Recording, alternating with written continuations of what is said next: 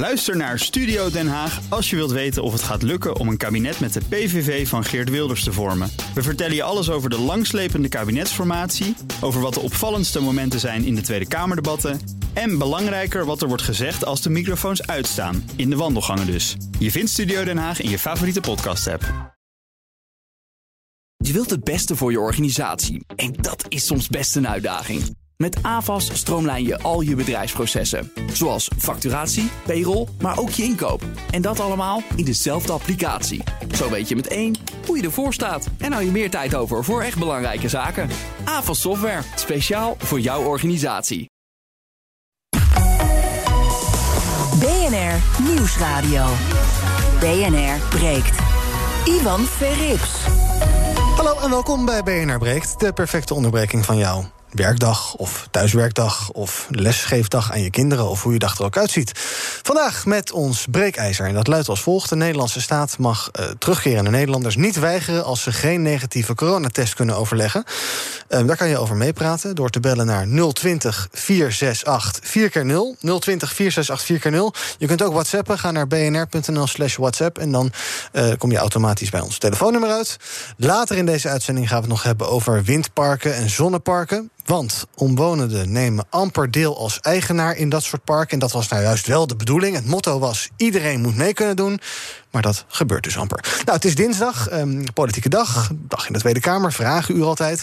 Vandaag ook een spannende dag voor Hugo de Jonge. En daarom is dinsdag een beetje ons, ja, onze politieke dag ook. En ik heb natuurlijk weer een panel. Twee gasten, transgenderactiviste Tammy Schoots. Goedemorgen. Hallo. En ook Sander van der Kraan van Broodbuis is bij ons. Een collectief van jonge links-progressieve denkers. Goedemorgen, Sander. Goedemorgen. Ja, um, ik ga je zo introduceren, Sander. Ik ben even bij, uh, bij Tammy, transgenderactiviste. Dan moet je even uitleggen, waar maak je je dan precies hard voor? Nou, dat, dat, houdt eigenlijk concreet drie dingen in. Wat ik doe is problemen agenderen via de media en andere transgender narratieven naar buiten brengen. Wat ik ook doe is met politici praten om te kijken of we concreet wetgeving kunnen veranderen. Een van de dingen waar ik mee bezig ben zijn de lange wachtlijsten in de transgenderzorg. En als laatste probeer ik taboegesprekken te doorbreken. En hè, we accepteren transgender personen vaak wel, maar we denken niet over hele persoonlijke vragen na. Dus bijvoorbeeld, zou jij een relatie beginnen met een transgender persoon? Nou, 87 procent zegt nee. En daar ga ik dan over in gesprek. Ja, en ik zag je vanochtend twitteren... Uh, we hebben meer transgender mensen in de media nodig.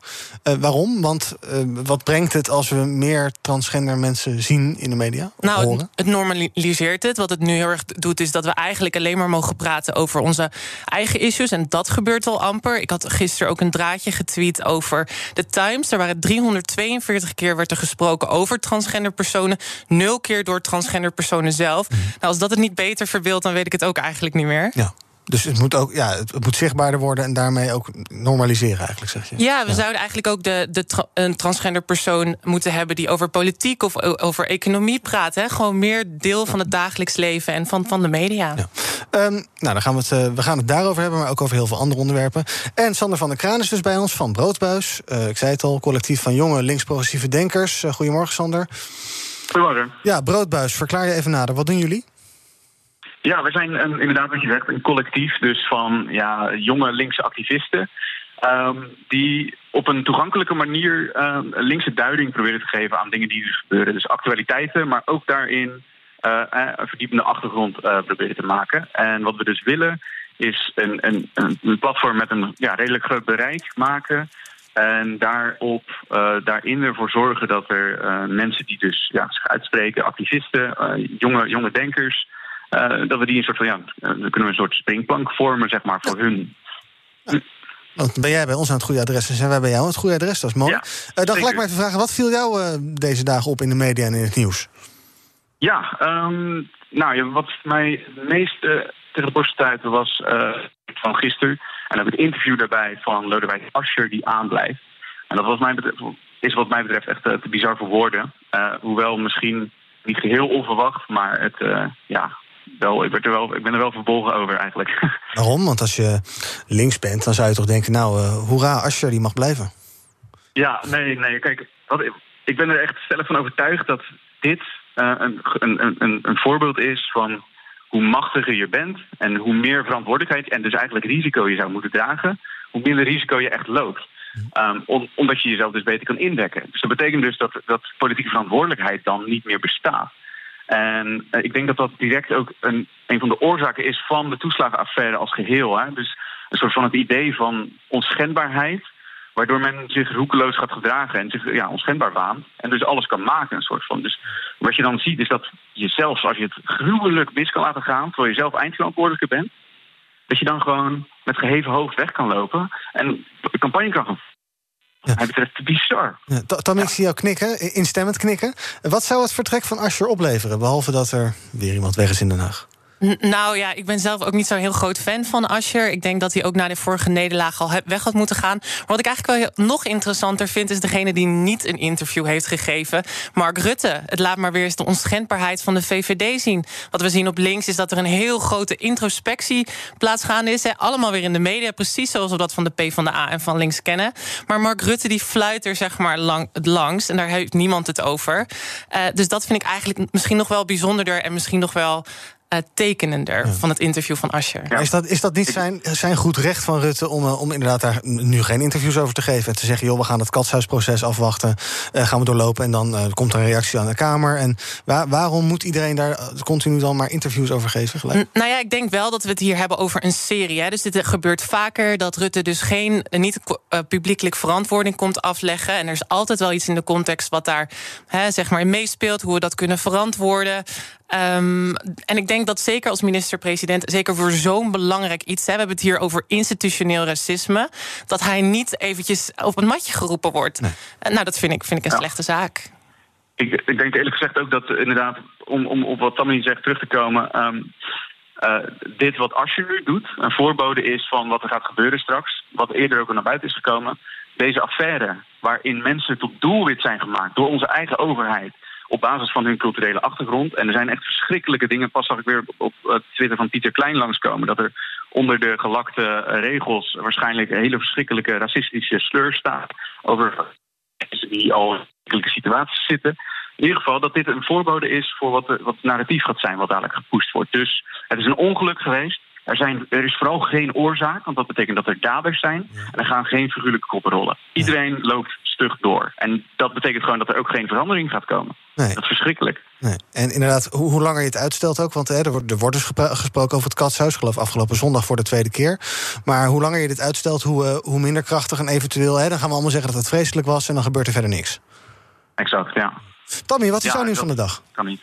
Ja, mijn nieuws van de dag uh, gaat over Tamara van Ark. En die gaat een spoedwet maken tegen het advies van doktoren in. Wanneer er de IC's overvol zitten, willen, mogen dokters uh, die moeten een afweging maken. En zo'n spoedwet maken waar ouderdom als factor weg wordt gehaald. En het wordt een loting. En dat grijpt mij heel erg aan. Want mijn oma is twee weken geleden overleden. En zoals je dat doet met iemand die, die op overlijden staat, dan ga je erover in gesprek. En wat zij zei, zei tegen mij: ik, ga, ik wil mijn bed opgeven voor een jonger persoon. En deze spoedwet is ja, dat, het stuit me zo tegen de borst. Ik kan het bijna niet verwoorden. Ik denk echt van. Oude, zeg maar, moet je je voorstellen dat je als 25-jarige tegen iemand van 80 wordt opgezet. En dan moet je loten. En allebei hebben recht op leven. Maar ja, één, één ja, wordt niet geholpen. Ja, want het gaat dus inderdaad om, om, om de intensive cares. Als het daar allemaal nog veel slechter is dan het nu al is... en ze moeten dus gaan kiezen tussen inderdaad iemand van 25 en iemand van 95... dan zeggen die artsen, joh, laat ons dan... Uh, dan kiezen wij graag voor degene die het nog het langst te gaan heeft in zijn leven... die nog het meest aan zijn jaren heeft. Um, maar Van Ark zegt, dat is discriminatie, leeftijdsdiscriminatie. Ja, precies. En wat je hier dus echt ziet... is hoe goed ouderen politiek vertegenwoordigd zijn... en hoe goed zij kunnen lobbyen. Want het is natuurlijk belachelijk dat ik hè, als 25-jarige... en corona kon ons allemaal overkomen. Of je nou kerngezond bent of je leven lang hebt gefeest. Dus dat is niet een factor hier. Dat, dat ik eh, bij, door kans uh, maar, maar moet kijken of ik geholpen word of niet. Nou, ik vind dat echt. En ook dat het tegen de wil van de doktoren in is. Hè? Want doktoren zijn geen sentimentele eieren. Uh, die maken daar een hele pragmatische, weloverwogen beslissing in. Ja. Sander, uh, ja, dan gaan we dus. Het alternatief is, las ik ook, loten. Dus dan komt er een ja. soort bingo-molen op de IC te staan. En daar liggen dan twee hele zieke mensen. En dan bepaalt de bingo-molen wie er mag blijven en wie niet. Dat is toch ook niet bepaald ja, het is verschrikkelijk. Nee, het is verschrikkelijk. Hoe moet het, het wel sowieso dan? dat het hier. ja, dat is het. ik denk dat we het inderdaad aan de artsen over moeten laten, omdat die daar zeer competent in zijn. Die maken sowieso al dagelijks dat soort afwegingen, ook op basis van overlevingskans. Iemand met nul overlevingskans komt al niet op de IC. Dus dat zijn nog afwegingen waarin zij heel competent zijn. En, maar het, het, kijk, het echte punt hier, denk ik, is dat het gewoon verschrikkelijk is dat we het hier überhaupt over moeten hebben. Ik bedoel, het had voorkomen kunnen worden als de maatregelen uh, ja, eerder strikter waren. En nu moeten we dus gaan bespreken of er mensen uitgeloot moeten worden en, en, en letterlijk ja, moeten overlijden op basis van kans. Ja, ik weet niet, ik vind het echt, echt verschrikkelijk. Ja, lood is kloten, dus eigenlijk. Ja, zeg dat. Ja. En is het niet ook een beetje raar dat um, uh, het kabinet zich laat adviseren door het OMT, de experts, die van alles en nog wat vinden. Maar nu, die artsen hebben dus een richtlijn bedacht. En nu gaat Van Ark zelf zeggen: nee, we gaan het toch anders doen. Is dat niet ook een beetje de omgekeerde wereld? Want ja, waarom heb je dan. Uh, laat dan de politiek ook alle medische beslissingen maken? Ja, nee, mee eens. Ik, daarom zeg ik inderdaad, eh, laat het aan de artsen over. Die zijn hier sowieso voor opgeleid en die, die, die weten hoe ze hiermee om moeten gaan. En uh, die moeten ook op het moment dat het gebeurt, moeten zij de beslissing maken. En het lijkt me heel slecht om daar inderdaad als, als, als politici uh, mee in te mengen. Dus nee, de, volledig een arts overlaten, lijkt mij. We gaan naar het nieuws van de dag. Nieuws waar iedereen het over heeft, waar iedereen een mening over heeft. BNR breekt. Breekijzer. Dat is net ons breekijzer. En het is vandaag de Nederlandse staat mag terugkerende Nederlanders niet weigeren als ze geen negatieve coronatest kunnen overleggen. Het is een beetje een dubbele ontkenning, maar het verhaal is inderdaad: hè, eh, als jij terugkomt uit een buitenland, ik zeg maar wat uit uh, Duitsland of dus Zuid-Afrika, nou is dat misschien een beetje een, een, typisch land, want daar is weer allerlei risico's op virusgebied. Maar je moet een negatieve coronatest kunnen overleggen voordat je in het vliegtuig stapt. Maar dat betekent dus ook dat Nederlanders niet terug kunnen naar hun eigen land als je ergens vastzit. Dat is misschien een beetje gek. Dat vindt ook actiegroep Viruswaarheid wat gek. Zij klagen de Nederlandse staat aan vanwege die verplichte coronatest voor reizigers. Zij vinden zo'n uh, entreebewijs illegaal. Reizigers die per bus, boot en trein naar ons land komen... moeten zo'n negatieve testverklaring laten zien. Nou, de advocaat van Viruswaarheid zegt aan de Telegraaf... dat je landgenoten niet zomaar toegang tot Nederland kan en mag ontzeggen door hen aan boord te weigeren. Dat staat ook nergens in de vervoersvoorwaarden. En daarom moet die regeling van tafel. Eerder was er iemand anders die eh, streed tegen de PCR-test in het algemeen. Dat is Willem Engel, de oprichter van Viruswaarheid. Ik wil de angst kapot maken. Eh, want ik wil dat de rechter verbiedt deze test op deze manier te gebruiken. Ja, dat gaat dus meer over die PCR-test in, in de brede. We gaan het nu vooral hebben over dat, ja, die terugkeerverklaring... die test die je moet, uh, moet kunnen overleggen. Dat kortgeding vindt nu plaats. Zij praten erover in de rechtszaal, wij op de radio. Daarmee bereik je toch meer mensen. En jij kunt reageren. Bel me nu op het telefoonnummer 020 468 4 keer 0 of stuur een WhatsApp via bnr.nl slash WhatsApp. Doe dat nu, dan uh, kan je over uh, een paar minuutjes meepraten in de uitzending. 020 468 4 keer 0 En ik begin met Michelle. Goedemorgen. Hi, goedemorgen, met Michelle. Ik heb een, een opinie hierover.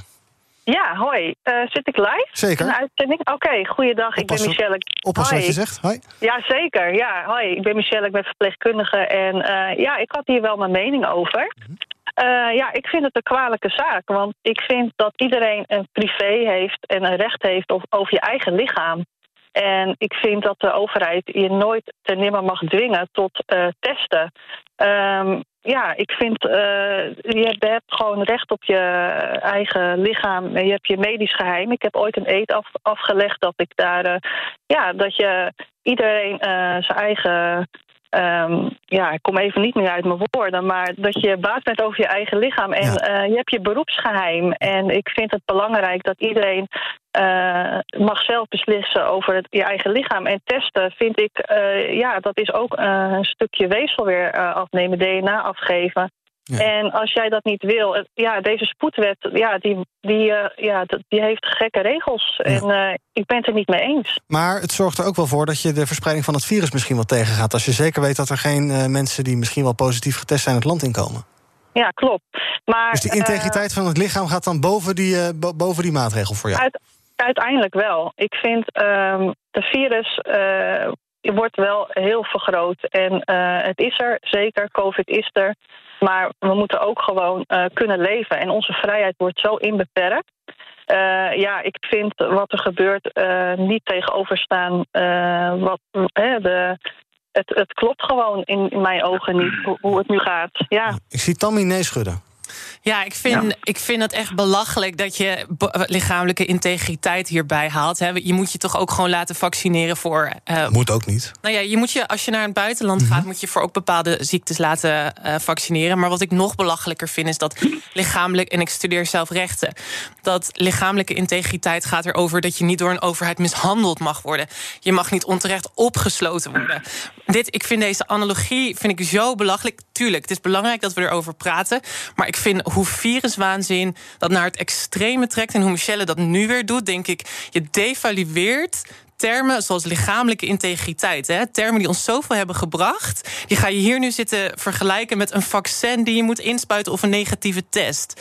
Nou, ik vind dat, ik vind dat een beetje raar. Maar het als gevolg dus dat je je eigen land niet meer inkomt, misschien? Ja, dat is dan denk ik een andere kwestie. Dat is denk ik iets waar we het wel over moeten hebben. Maar ik denk dat dat niet over lichamelijke integriteit gaat. Maar hoe moeilijk is het om een, om een test te kunnen doen? Ik denk dat we juist de andere overheden die in het buitenland zitten moeten aanspreken. Van oké, okay, zorg ervoor dat die tests klaar zijn voor, voor Nederlanders. En dan kunnen ze toch gewoon makkelijk terug. Ja. Uh, we gaan het even juridisch bekijken. Uh, Sander, ik kom zo bij je. Ik ben ook benieuwd wat jij ervan vindt. Ik begin even bij advocaat Hein Kernkamp van Minerva Advocaten. Goedemorgen. Hein? Die is helemaal lam geslagen door alle argumenten, denk ik. Nee, die is er niet. Nou, we gaan Hein zo meteen misschien horen. Dan wil ik even van Sander horen wat hij ervan vindt. Ja, nee, ik vind het argument wat Michelle uh, bijhaalt dat het virus opgeblazen is. Terwijl ja, het is uh, bijna een pervers argument als wij het net hebben over dat de overheid nu aan het beslissen is dat er mensen uitgeloot moeten worden die dood kunnen gaan. We, we, kijken, we kijken naar eh, code zwart. We, zijn, we zetten ons schap voor code zwart. Ik bedoel, mijn moeder werkt ook op een IC uh, in, in, Rotterdam. Uh, het, is, het is chaos alom. En op het moment dat we dan nog gaan zeggen het is opgeblazen... op het moment dat uh, Diederik Gommers in de media schreeuwt... van we moeten de acute zorg stop gaan zetten als het zo doorgaat... verschrikkelijk. En al helemaal als we kijken naar wat de implicaties kunnen zijn van zeker mensen uit het buitenland. Hè, op het moment dat er allemaal varianten uh, van, van het coronavirus mogelijk zich in de wereld bevinden. Als die hierheen komen, kunnen ze onze hele vaccinatiestrategie weer, tenminste voor, de, voor, voor zover er een strategie is, op zijn kop gooien. Ja. En um, dat kan weer desastreus zijn. Dat kunnen we, en dan hebben we het over lichamelijke integriteit.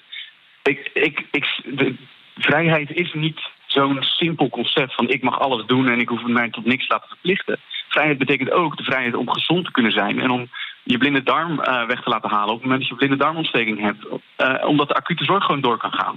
Uh, ja. Ik ga zo meteen even vragen aan Dennis en Ron wat ze daarvan vinden. Ze hangen aan de telefoon. Maar nu is hij er wel, Henk Kernkamp van Minerva Advocaten. Goedemorgen. Goedemorgen. Er zijn heel veel termen voorbij gekomen. Lichamelijke integriteit. En uh, ja, hoe kijk jij nou naar dit kortsgeding? Want er zijn eerder rechtszaken geweest tegen die verplichte PCR-test bij het inreizen. Die zijn geloof ik gewonnen, hè? ook in kortgeding. Uh, ja. hoe, hoe zit dat nu? Nou ja, er is dus één kort geding geweest. En dat is aangespannen door uh, Jeroen Pols, de jurist van uh, de actiegroep Viruswaarheid. Want die had zijn familie in Tanzania zitten. En die wilde uh, dat de rechter voor, ja, eigenlijk de staat gebood om, om die mensen zonder coronatest, zonder PCR-test binnen te laten. En de rechter heeft dat inderdaad bevolen. Uh, en en de, de reden dat de rechter dat bevolen heeft, is dat uh, de wet uh, publieke gezondheid uh, geen basis biedt voor die maatregel. dus dus eigenlijk eerder was hier Michelle aan het mhm. woord de verpleegkundige, die zei ja, dat, dat is eh, dus inderdaad een inbreuk op de lichamelijke integriteit. Het is in ieder geval een, een, een, inderdaad een, een vergaande maatregel, een vergaande verplichting, waarvan de rechter zegt, ja, daar heb je een wettelijke basis voor nodig. En ja. is er niet. Nee. En die wordt nu wel geregeld door het kabinet, hè? Die willen ze alsnog in die eh, spoedwet ja. Oh, maar dat wordt dus best ingewikkeld. Hè? Want, want dan, uh, nou ja, dat is wetgeving. Uh, en, en dat is, uh, dat moet je ook maar gewoon hebben dat iedereen daarin meegaat. En het is inderdaad ook wel uh, best complex. Uh, ik denk eigenlijk dat, dat men is een hoger beroep gegaan, dat is één. Uh, twee heb je natuurlijk vandaag dat andere kort geding. En dat is ook eigenlijk een soort van verkapt hoger beroep. Dus dat uh, landsadvocaat zal alle nieuwe argumenten nog weer uit de kast halen die hij heeft weten te bedenken. Uh, maar intussen is het ook zo dat bijvoorbeeld aan luchtvaartmaatschappijen verplichtingen kunnen worden opgelegd. En dan heb je een heel andere situatie.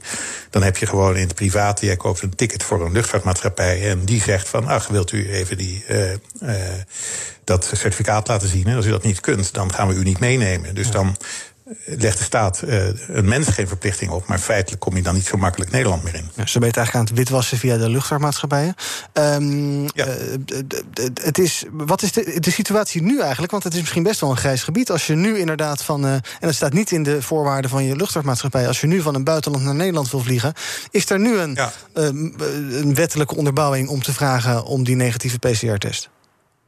Nou ja, er is dus een, een, ja, een, soort van maatregel genomen. En die maatregel, uh, daarvan heeft dus uh, in dat vorige kort geding men gezegd... Ja, die mag je niet, hè, dus on, on, heeft geen wettelijke basis. Dus laat mij gewoon toe. En daarvan heeft de rechter gezegd, ja, dat moet je doen, staat. Ja. Uh, dus ik denk dat als er hier een Nederlander op Schiphol zou staan... en die kan hem niet overleggen...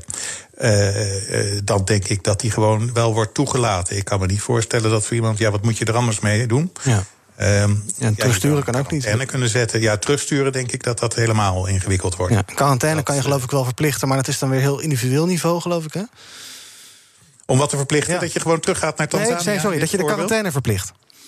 Quarantaine kun je wel verplichten. En dat, is, uh, dat is de oude wet. Dat is van, uh, van vroeger. Hè. Als er een schip uh, aankomt waar een een of ander ernstig besmettelijke ziekte is, dan kun je dat hele schip in quarantaine doen. En er zijn dus allerlei in de wet voorziene maatregelen. Ja. Maar dus op, op, die, op basis van die wet is er dus nu een, een, een regeling vastgesteld ja, die geen wettelijke basis heeft. Ja. Dennis, jij hebt hier ervaring mee?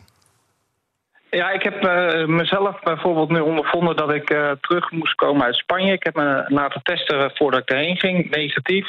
Uh, ik word in Spanje in één keer positief getest. Ehm, nou, dan heb je eigenlijk in die 72 uur geen tijd meer om een nieuwe test te doen voordat je terug gaat vliegen. Ehm, met de auto teruggaan, in Nederland weer laten testen en dan blijkt het toch weer negatief te zijn. Dus de betrouwbaarheid van de testen is ook maar de vraag. En ja, uh, kunnen ze dat dan niet verlengen naar 96 uur bijvoorbeeld, zodat je ook de kans hebt om een tweede test af te laten nemen? Ja, dat, ja. zou dat een suggestie zijn? Ja, dat is een beetje een medische vraag, hè, denk ik. Ja, ik heb daar verder niet uh, iets juridisch over te zeggen. En het is natuurlijk ook wel weer uh, lastig, want als hij al weer veel te oud is, dan zeg je van ja, daar hebben we niet zoveel aan. Dus het is natuurlijk ook, die, die termijn is natuurlijk vastgesteld met het oog op. Hij moet redelijk recent zijn, maar het moet ook nog wel mogelijk zijn. Ja, Ron heeft een andere oplossing. Uh, ja, ja. Ik, uh, ik heb dus uh, die mevrouw gehoord. Ik vind het ook eigenlijk belachelijk dat iemand uit de zorg met dit soort argumenten komt. Wat ik niet begrijp is dat in het begin al gelijk niet is verboden om mensen naar het buitenland te laten gaan. Want vanuit Italië hebben ze toen hier naar binnen gebracht, onder andere. en, en met de carnaval en alles. en ik vind die mensen die dit nou allemaal ontkennen, zouden dan moeten ook tekenen voor dat ze geen zorg willen hebben. Dan hebben we gelijk het probleem opgelost van misschien het kiezen op de intensive care tussen ja. ouderen en jongeren. Maar dat doen we niet in ons land, hè? En, uiteindelijk, mensen... uiteindelijk, zijn jongeren zelf uh, de dupe op de lange duur. Ja. Want die gaan er uiteindelijk de rekening betalen. Ja. En mensen die bijvoorbeeld uh, uit het buitenland komen, die zouden ze in hotels in quarantaine verplicht kunnen oplaten sluiten. Ja, Een beetje raar woord, maar... Ja, maar, maar, maar, dingen als, uh, ja, dan, dan, dan moet je er maar voor tekenen dat je geen zorg krijgt. Dat doen we geloof ik niet in ons land. Want dan kan je hele bevolkingsgroepen gaan uitsluiten. Mensen die te dik zijn en mensen die roken. En dan krijgt uiteindelijk helemaal niemand meer zorg. Nee, dat, dat zijn ook uh, argumenten die nergens op slaan. Oh. Als, als 95% van de mensen zich aan de regels houden... En er is een kleine groep die, die het gewoon ver, verdomd, zeg maar, om dit te doen... dan vind ik dat je daar ook wel wat harder tegen kan optreden. Ja. Um, Ronald die stuurt via WhatsApp wel weigeren. Als je je paspoort niet bij je hebt, kom je ook niet aan boord. Of het land niet in. Ook niet als Nederlander zijnde. Um, ja, Tammy, wat is jouw conclusie na, nadat je, na alles wat je gehoord hebt? Nou, ik was heel blij dat die meneer me even bijstond. Uh, een beetje, is het nodig? Nou ja, een beetje common sense in dit debat is wel nodig soms.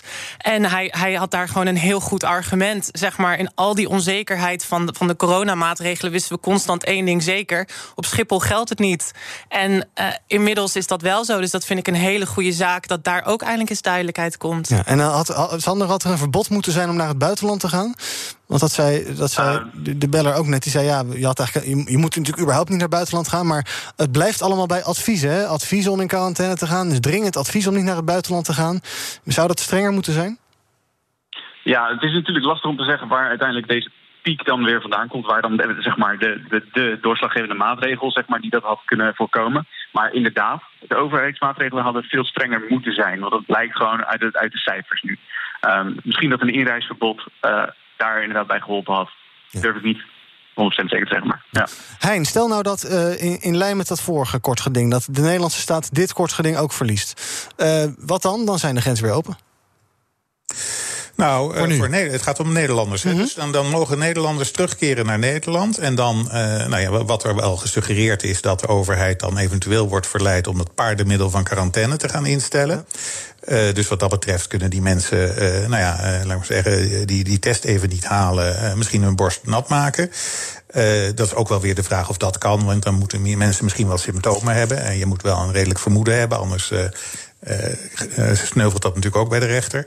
Uh, maar ik denk dus eigenlijk dat, dat de, de luchtvaartmaatschappijen met maatregelen gaan komen. En dat, nou ja, goed, dan kom je met de auto Nederland natuurlijk ook nog wel in. Ja. Uh, ja, ik zou zeggen, laten we hopen dat er met de vaccinatie het allemaal snel de goede kant op gaat. Want het is wel leuk om het juridisch uit te pluizen, maar we willen natuurlijk allemaal hetzelfde. En dat wilde de voorzieningrechter ook. Hè. Die zei van, nou, er is een dringende noodzaak om de verdere verspreiding van het virus zoveel mogelijk tegen te gaan. Maar ja, er is geen wettelijke basis voor deze maatregel. Nee, sowieso een interessante tijd, denk ik, als advocaat. Hoe snel het nu gaat met nieuwe wetgeving... die uh, maar even door kamers heen gejast moet worden. En ik heb toch wel het idee dat het democratische proces... misschien soms uh, nou, niet helemaal ten volle wordt uitgevoerd. Of heb je daar geen zorg om? Nou, dat, dat, dat, is natuurlijk ook wel zo. En als er urgentie is, is het ook. Ja, goed, het, is wel, het gaat wel door de Kamer. Dus de Kamer kiest daar ook zelf voor. Um, uh, maar goed, hier hebben, is, is dus. Uh, ja, komt er weer zo'n noodwet. En op een gegeven moment wordt dat natuurlijk een beetje merkwaardig. Maar daarom denk ik ook dat. Dat die combinatie van een hoger beroep, dus dan weet niet iedereen het zeker, plus dan gewoon civiele maatregelen. Richting luchtvaartmaatschappijen. dat je dan ook al een heel eind bent. En dan uh, ja, uh, denk ik dat dit toch weer een storm is die over gaat waaien. Dankjewel. Henk Kernkamp van Minerva Advocaten. Zometeen wil ik het ook nog even hebben met uh, Willem Engel, want die, over Willem Engel, want die wil de Tweede Kamer in. Ik ben benieuwd of Tammy en Sander op hem gaan stemmen. Ik heb wel zo'n idee wat het antwoord is.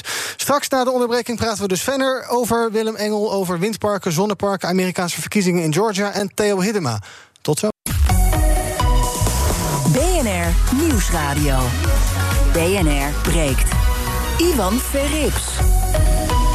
Nou, dat was kort. Welkom terug bij BNR Breekt, de perfecte onderbreking van je werkdag. Het is uh, dinsdag, politieke dag. Hè. In de Tweede Kamer is meestal het vragenuur. Nu geloof ik niet, maar Hugo de Jonge moet zich wel gaan verantwoorden... voor het corona- en vaccinatiebeleid. We gaan het hebben over de Amerikaanse verkiezingen in Georgia. We gaan het hebben over Theo Hiddema... die wel niet, wel niet, wel niet, niet, wel niet... wel uiteindelijk toch geen luisduur wil worden voor FVD. En daarom heb ik een panel met uh, gasten. Tammy Schoots, transgenderactiviste, is bij me... en Sander van der Kraan van Broodbuis. Maar we beginnen even met de socials. Even kijken wat er allemaal uh, trending is, vooral op social media. Nou, uh, dus, Van Haga en Baudet zijn trending. Gaan we het zo meteen over hebben.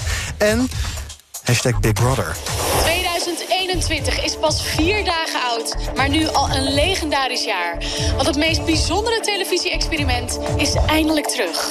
Big Brother.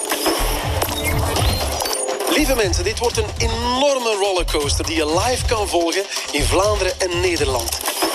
24 uur op 24, 7 dagen op 7. Je hebt dit nog nooit gezien.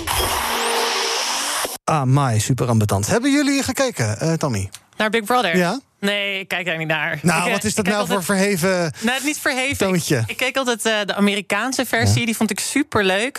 Maar en ik heb ook alle oude seizoenen gekeken. In Nederland heb ik best wel een speciale band mee. Want Kelly van der Veer, een van de eerste transgender personen, -hmm. was daarop. Maar ik denk gewoon dat het concept van Big Brother misschien niet helemaal voor Nederlanders is. Ik geloof wel een miljoen kijkers gisteren. Ja, nou, oh, misschien ben ik gewoon zeg maar de, zeg maar de zijkant. Nou, ik weet het niet. Ja, ja. Maar Sander heeft wel gekeken. Nee, ook niet, oh, helaas. Nee, okay. ik sowieso niet echt televisie. Eigenlijk alle, alleen maar on-demand. Vind uh -huh. ik veel makkelijker. Ja. Fijner. Echt een millennial, hè? Ja. Heb je de vorige Big Brothers wel gevolgd? Hè? Die, die eerste met, met, met, met Ruud en zo en al die figuren? Nee, helemaal niet. Nee. nee. Het is ook al een beetje, want wij zijn, ik weet niet hoe oud we hier zijn, maar ik denk ergens uh, in de twintig ongeveer. Uh, het is, de ja, eerste Big Brother is ook al heel lang geleden voor ons. ik denk dat heel ja, veel. Nou ja. Ik kijk mijn regisseur aan, die heeft het allemaal heel erg gevolgd. En uh, ja, die is toch een stuk ouder, blijkt het. denken jullie dat het een hit gaat worden, Sander? Ja, ongetwijfeld. Als het spectaculair is, zal het wel weer een hit worden. Ik, ik zie ook dat altijd dingen over Temptation Island langskomen en zo. Dus vast wel. Ja. Tommy? Nou, ik hoop gewoon dat ze de Gouden Kooi terugbrengen. Dat vond ik veel leuker. Ja. Dus, uh, maar ja, ik, ik denk niet dat het een hit gaat worden. Ik denk dat mensen gewoon niet lang genoeg aandacht hebben... om het helemaal uit te kijken. Ja. Jij noemde trouwens net even Kelly van der Veer. Wat heeft die betekend voor de transgendergemeenschap? Nou, het was gewoon ik denk inhoudelijk vrij weinig, maar qua zichtbaarheid voor het eerst een transgender persoon op de kijkbuis in de woonkamers van mensen. Nou, voor mij was dat wel heel bijzonder. En zeker toen ik opgroeide, gingen mensen me Kelly noemen, want dat was de enige referentiekader wat ze hadden van transgender personen.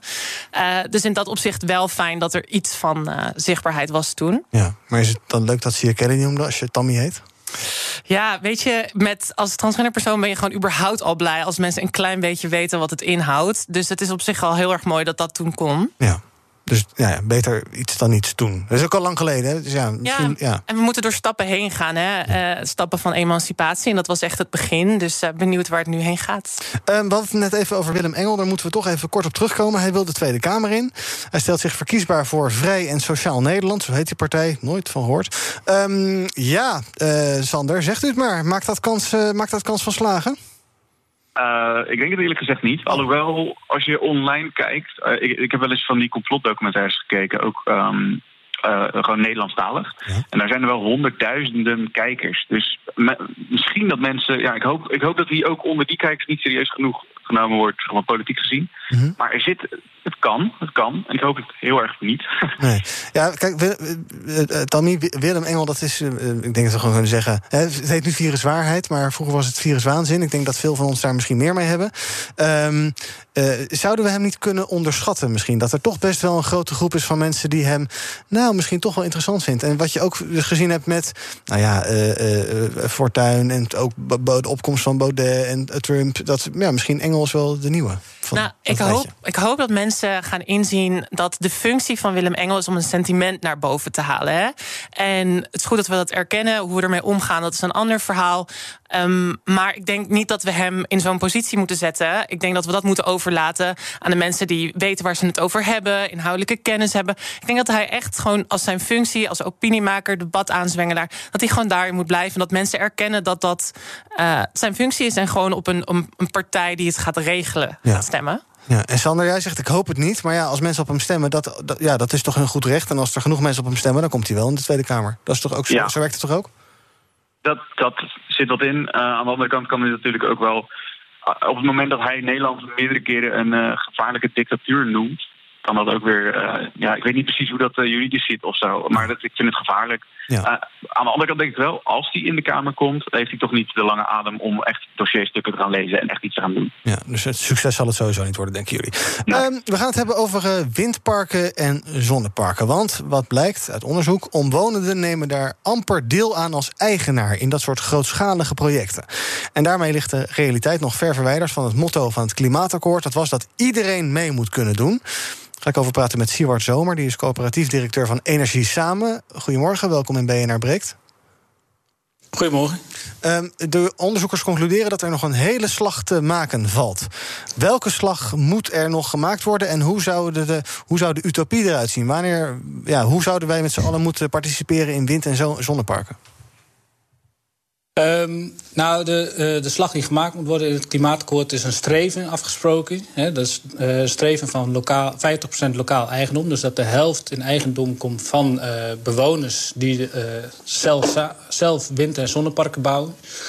Um, ja, een utopie is altijd gevaarlijk, ja. maar uh, waar je naartoe wil is dat je eigenlijk in elk dorp uh, mensen hebben, een grote groep mensen die zelf hun eigen energie opwekken, dat ook lokaal weer gebruiken en ook met die opbrengsten van die wind- en zonneparken weer nieuwe duurzame projecten gaan doen. En dat je zo in coöperatief verband, hè, uh, in organisaties die democratisch georganiseerd zijn, maar ook ondernemen samen uh, echt die energietransitie vooruit brengt. En waarom lukt dat niet? Nou, we zijn nog maar net begonnen. Dus het klimaatakkoord is. Uh, uh, ja, het, het, lijkt voor sommige mensen heel lang, maar het inkt is eigenlijk net droog. En we zijn echt aan het opstarten. We hebben nu net een uh, nationaal ontwikkelfonds ontwikkeld, samen met uh, de provincies en het Rijk.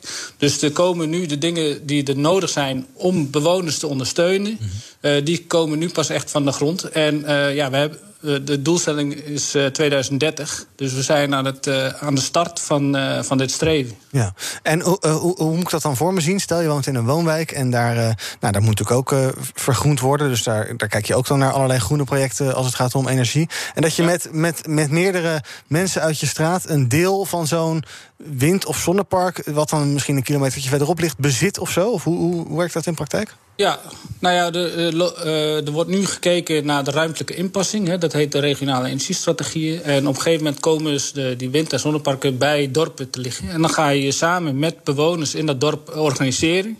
Uh, daar hebben we een prachtig uh, juridisch middel voor in Nederland. Dat heet de coöperatie. En dan ga je samen investeren in die uh, windparken en zonneparken. En die worden dan, daar word je dan mede-eigenaar van. Samen met je bewoners. En met die opbrengsten die geef je terug aan de bewoners. Maar die gebruik je ook voornamelijk weer om nieuwe dingen te investeren in je dorp. En dat zijn dan van de volgende trajecten in de energietransitie. En dat is dan vaak het verduurzamen van de warmtetransitie in je wijk. Ja, en is dat dan iets wat geld kost of wat geld oplevert? Ook als individu uiteindelijk? Het uh, levert uiteindelijk geld op. Ja. ja, ja. Oh, waarom zou je. Waarom nee. Anders, uh, als, we, als, we, als het geld zou kosten, dan uh, ging niemand meer investeren in Nederland. Nee. Tommy, ben jij al eigenaar van een stukje wind- of zonnepark? Nee, nee. Zou je het willen? Nee, want het eerste waar ik aan denk is... Hè, dan zit je daar zo 's ochtends met je kopje koffie en je krantje... en dan denk je, nou moet ik me ook nog eens druk gaan maken... omdat ik deels eigenaar ben van, de, van dat zonnepark. Ik denk, waarom kan de overheid dat gewoon niet voor ons doen? Um, we hebben het al zo druk. Leg niet nog iets op mijn bordje. Ik kan me heel goed voorstellen dat, dat het eerste is wat mensen denken. We zijn gewoon te druk. Ja, ga ik zo even aan Siewart vragen. Uh, Sander, jij voorstander van, van ja, om, de, om die transitie ja. dan samen te maken? Ja, zeker. Ja, ik, ik moet eerlijk zeggen dat ik er helemaal niet van bewust was dat dit zo bestond. En het stemde mij heel uh, positief. Uh, ik, ik, was wel door verrast. Maar ja, ik, ik, ik ben zelf een. Uh, ik, ik, kan mezelf wel een socialist noemen. -huh. Dus ik ben helemaal voor, zeg maar, een gedeelde eigenaarschap van dat soort dingen. Zeker als het betekent dat die geldstromen die eruit komen ook gedeeld zijn. Dat daar weer nieuwe lokale dingen van opgezet worden. Ja, prachtig. Ja. Zeker ook als je het vergelijkt met hoe centraal, zeg maar, nu de fossiele industrie is natuurlijk.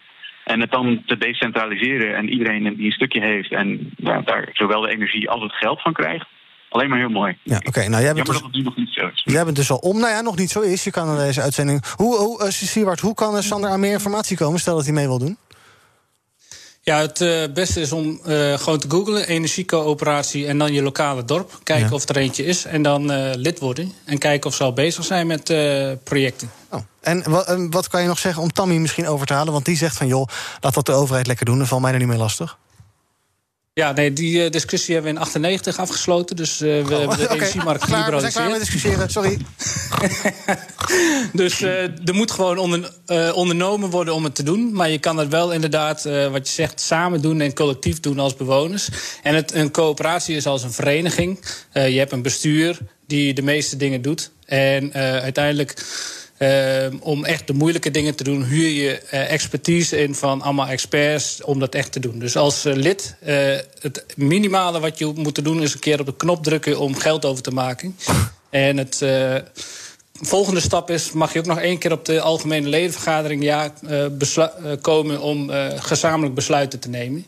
En dat is het enige wat je kan doen. Dus voor de rest kun je de hele jaar kopjes koffie drinken aan de keuken. Je hoeft bijna niks te doen, Tommy. Ja, ik uh, wil even zeggen, Sander is zeker geen socialist, maar een liberaal. Dit is gewoon weer de eigen verantwoordelijkheid gekte. Uh, we moeten overal zelf verantwoordelijk voor zijn. Ik zeg, laat die overheid, uh, overheid het lekker doen... en laat mij gewoon lekker met rust voor ik ben een keer. Nog, ik ben nog nooit zo beledigd. En dat live. Ja. Zullen we het even uitvechten of zullen we het maar afsluiten... of het heel pijnlijk wordt? Sluit maar af. Okay. Uh, nog, nog één korte vraag, Siewart. Uh, die, die, uh, de, nu zitten in die zonneparken vaak allerlei ja, investeerders... die nou niet echt een lokale binding hebben. Ehm, komen we daar ooit nog van af? Hè? Kan dit nog slagen? En zo ja, hoe dan?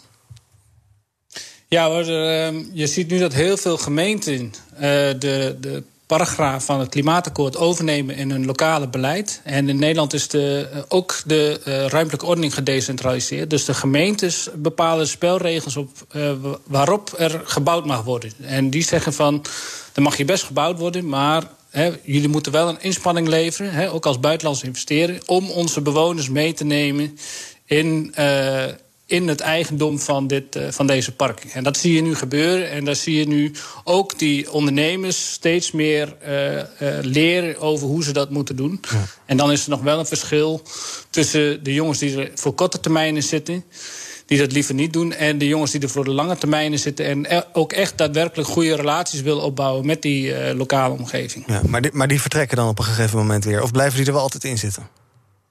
Die, de, die voor de lange termijn erin zitten, dat zie je vaak nu met de, met de windontwikkelaars die nog over zijn in Nederland. Uh, die zitten er gewoon voor de lange termijn in en die zien ook echt toegevoegde waarde om een goede relatie te hebben met hun, uh, met hun omgeving. Omdat dat gewoon ook weer nieuwe business organiseert op zo'n lokaal niveau. Ja. Uh, 2030 moet het gefixt zijn, hè? Ja. Nou, dan spreken we je op 5 januari 2030. Dankjewel, Siewart Zomer van Energie Samen. Zometeen gaan we nog verder praten over allerlei politieke actualiteiten. Zoals Theo Hiddema, die nu toch niets ziet in zijn rol als lijstduur van uh, FVD. Terwijl ik geloof dat hij al één stem had. Want uh, Thierry Baudet zei dat hij op hem ging stemmen. Maar die valt nu dus weg. En het Tweede Kamerdebat, waar Hugo de Jonge wordt geroosterd. Dat is inmiddels begonnen. hoe dat afloopt, volgen we hier natuurlijk ook op BNR. Wat we ook op BNR gaan volgen is vanaf 12 uur zaken doen met Thomas van Zel. Wat ga je doen? Ik ga bier drinken, althans. Lekker! Bier drinken, maar daarover praten. Misschien krijgen mensen er wel dorst van. De directeur van uh, Gulpener uh, is te gast. Hij uh, komt denk ik helemaal uit Limburg om hier zijn verhaal te doen. Zijn, zijn verhaal gaat natuurlijk over horecasluiting... over bier dat wel populairder werd in de supermarkt. Het gaat ook over een duurzaam brouwhuis... waarvan de biermeester zelf heeft gezegd... ja, je moet een beetje masochistisch zijn, want het is duur om te investeren. Het is soms ook moeilijker, maar op de lange termijn gaat het wel wat opleveren. Ehm, wat werk in het algemeen gaat opleveren opleveren. Dat zien de mensen natuurlijk op hun salarisstrook, op hun loonstrookje. ADP doet daar onderzoek naar. We krijgen om half twee een uitgebreide toelichting. Het uh, beleggerspanel is er om één uur over die Chinese telecombedrijven die hun beursnotering in Amerika zouden kwijtraken. Toen toch weer wel, toen toch weer niet. Wat daar gebeurd is, is nog onduidelijk. Maar misschien niet voor de leden van het beleggerspanel. Dankjewel. Zometeen om 12 uur zaken doen met Thomas van Zel. Je luistert nog steeds naar BNR Breekt. Vandaag met ons panel bestaande uit Sander van der Kraan van Broodbuis en Tammy Schoots, transgenderactivisten. En we gaan het hebben over de Verenigde Staten. Um, er zijn weer eens verkiezingen in Georgia en ze zijn daar Heel erg spannend en ook vooral heel erg belangrijk. Uh, ja, dit bepaalt misschien wel of Biden, uh, ik zou maar even zeggen, het voor het zeggen krijgt of niet.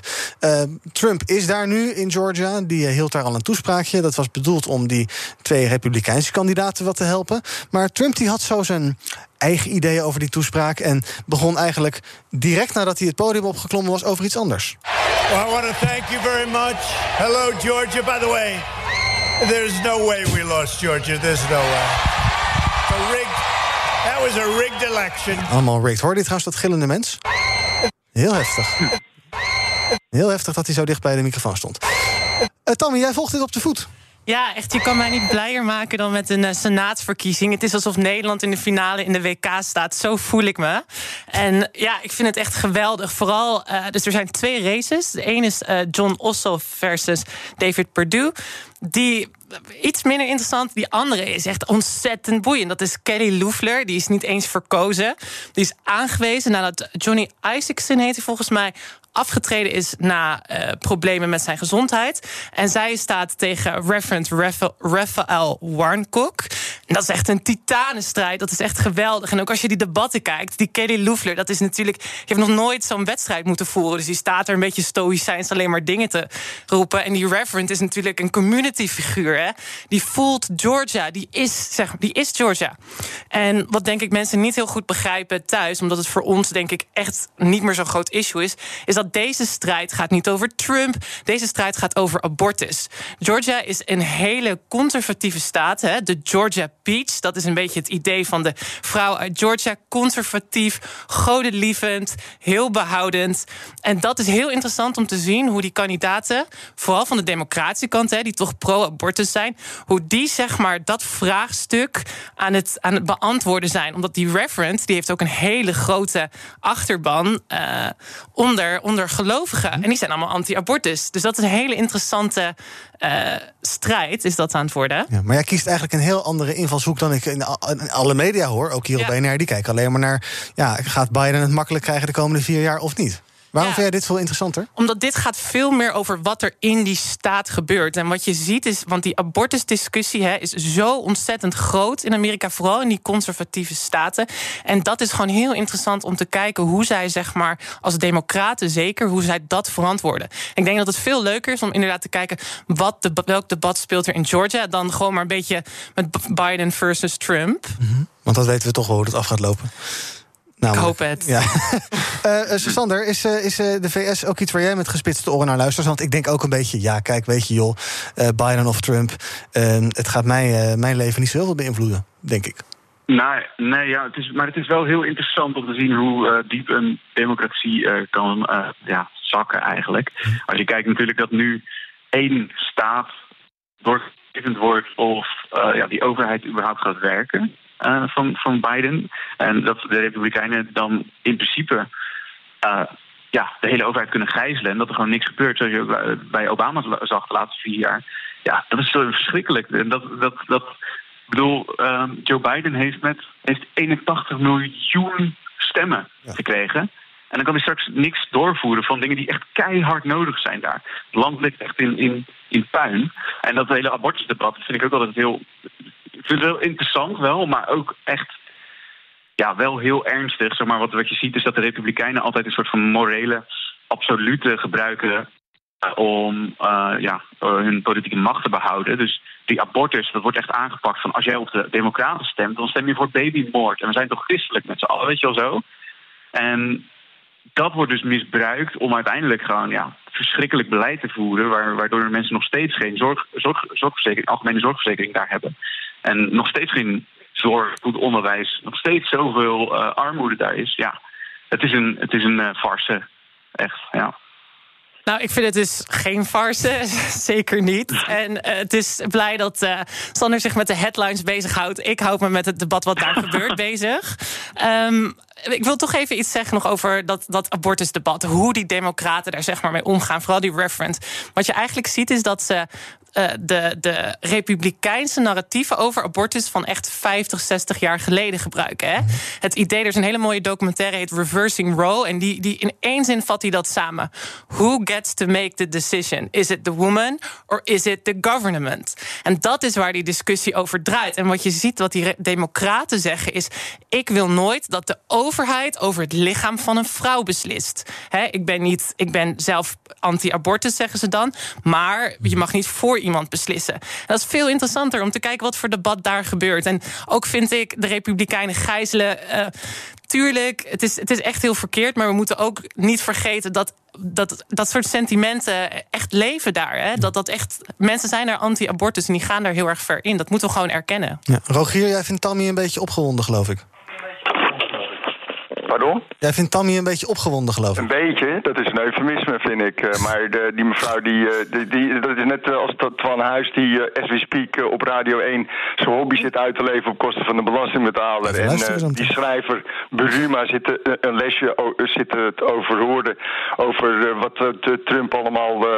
hoe heet dat, wat er allemaal te verwachten is van, van die actie van Trump. Maar dan denk ik van, jongens, wij, wij, wij vinden Trump zo'n corrupte, mafioze president... maar Rutte is minstens zo erg, want die vertikt het om dingen op te schrijven... zodat hij later niet erop eh, nagevraagd kan worden... wat hij allemaal voor belangrijke beslissingen besproken heeft. Dat is, dat is ook heel corrupt, maar daar hoor je de media, media niet opgewonden over praten. Nu wel Nee, we dus. gaan het over Amerika hebben, alsof ons leven daarvan afhangt. Ja. En jij luistert dus BNR en Radio 1 tegelijk? Eh, ik, zoveel mogelijk, ja. Wauw. Ik heb een split, split radio. Ja, ja. Nou, eh, Maar, ja. Nee, maar ik eh, vind jullie programma net zo belangrijk eh, als dat programma wat tussen half twaalf en twaalf is. Soms, soms, de laatste tijd niet zo. Maar als ik dan Twan Huis ineens hoor over die, die actie van Trump en wat er ons allemaal te wachten staat. Als daar eh, die eh, verkiezing eh, rond is, dan denk ik van eh, jongens, doe eens even normaal, joh. Het, het, het, het is sensatievirus. Rogier? Sensatievirus heerst. Dankjewel. Trump ja, boeit jou niet zoveel. En misschien heb je wel gelijk, want ja, ons eh, of nou Trump wint of, of Biden wint. Ik ga morgen alsnog gewoon naar mijn werk en de- naar de boodschappen doen. Maar als je principieel kijkt, dan heeft het dus wel grote, eh, ja, grote gevolgen potentieel. Ja, maar het is ook heel kortzichtig dat wat er in Amerika gebeurt, dat dat ons niet gaat beïnvloeden. Ik zit hier overigens niet eh, op kosten van de belastingbetaler. Dat wil ik, Ik wel even niet. gezegd hebben. Ehm, maar uh, wat je juist heel erg ziet, is dat in die politieke debatten dat die heel erg aan het overwaaien zijn, aan overwaaien zijn naar Nederland. Hè. Je zag het met Bush en Balkenende, die soort, dat soort narratieven gingen overnemen. Je ziet het, uh, het Trumps retoriek heeft ook deuren geopend hier. En laten we heel eerlijk zijn, die, die Amerikaanse abortusstrijd, die komt hier ook heen. We hebben recentelijk nog allemaal demonstraties gehad. Dus het is super belangrijk om te kijken welk sentiment ons te wachten staat. Kelvin die uh, WhatsApp dat hij Duitsland een belangrijker land vindt vanwege de CDU-verkiezingen. Ik kan je alleen maar aanraden om eventjes te luisteren naar onze aflevering van gisteren. Simon van Teuten van de Keuzekast die uh, vindt ook dat daar veel te weinig aandacht voor is. Dat zal de komende maanden vast veranderen, maar dat kan nu ook al. Uh, tot slot eventjes, we moeten het toch nog even hebben over Hugo de Jonge. die staat nu in de Tweede Kamer, waar die wordt ja, geroosterd, als we de geluiden mogen geloven. Ik kan die debat niet volgen, want we zijn het programma aan het maken. Maar uh, het belooft wel een uh, ja, uh, streng debat te worden, Tammy. Is het terecht dat de jongen hier onder de grill wordt genomen? Ja, natuurlijk, want hij is verantwoordelijk. Maar zijn we ook niet een beetje te hard voor hem soms? Want ja, hij is ook maar het wiel aan het uitvinden.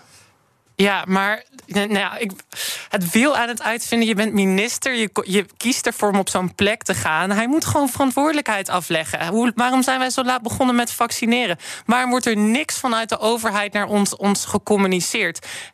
ik, ik denk echt wel dat hij heel veel grove fouten heeft gemaakt.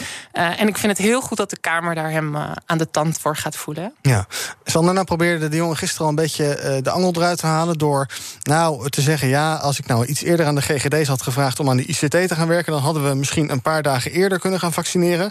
Is dat een uh, slimme strategie om uh, ja, voor het debat toch al een soort van sorry te zeggen zonder sorry te zeggen? Ja, of het een slimme strategie is, dat moet nog blijven. Ik denk het niet. Um, ik denk dat alles wat. Eh, de manier waarop hij nu onder vuur wordt genomen is gewoon volledig terecht. Um, hij zei het is gewoon een opeenvolging van, van fouten. En hij sukkelt al de hele, ja, gewoon maandenlang achter de feiten aan.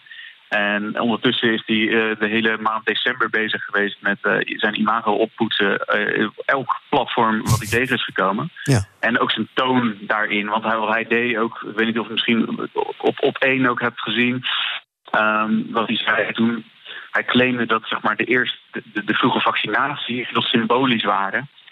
in, in Groot-Brittannië bijvoorbeeld, waarop iemand die kenner was, die aan tafel zat, dat is helemaal niet zo. Het gaat om gewoon honderdduizenden vaccinaties. En dat wimpelde hij heel erg weg. Hij heeft een hele belerende toon daarin, terwijl hij gewoon een keer op keer fout zit. Ja, nou ja, uh, verantwoordelijkheid nemen. En uh, totaal terecht dat hij gegrild wordt nu. Ja. Uh, wat moet er nou gebeuren om, om hem een beetje toch wel wat geloofwaardigheid te geven? Ja, wat kan hij nu doen? Heel lastig te zeggen. Ik, ja. ik, durf, ja, ik, ik weet niet. Hij, Blij, blij dat je niet in zijn schoenen staat. Zijn gekleurde schoenen. Zeker. Ja, nou ja, helemaal mee eens. Ja. Ik vind het heel lastig te zeggen wat hij nu moet doen. Ik denk dat hij nu ja, zich gewoon volledig moet focussen op zo snel mogelijk die vaccinatie, dat vaccinatieprogramma er doorheen krijgen. En het fixen. En stoppen met, met, met, met zijn belerende toon ook. Ja. En met andere plekken opzoeken in de media. Dankjewel. Uh, en we zijn aan het einde van uh, BNR Breekt. Zometeen begint dus het tweede deel van je werkdag. Dank aan al mijn panelleden voor hun uh, ongezouten mening. Tammy Schoots, transgenderactiviste, fijn dat je er was. En Sander van der Kraan van Broodbuis. Morgen zijn we er weer. Tot die tijd kan je ons volgen via de socials. Op BNR op Twitter, op BNR Nieuwsradio op Instagram. En natuurlijk onze website bnr.nl. Zometeen zaken doen met Thomas van Zel. Ook Hugo Reitsma vind je in de BNR-app. Superhandig die BNR-app. Je kunt alle programma's live luisteren, breaking nieuwsmeldingen. Je blijft op de hoogte van het laatste zakelijke nieuws. En je vindt er alle BNR-podcasts, waaronder natuurlijk de belangrijkste, Boeken zijn in de wijk. Download nu de gratis BNR-app en blijf scherp.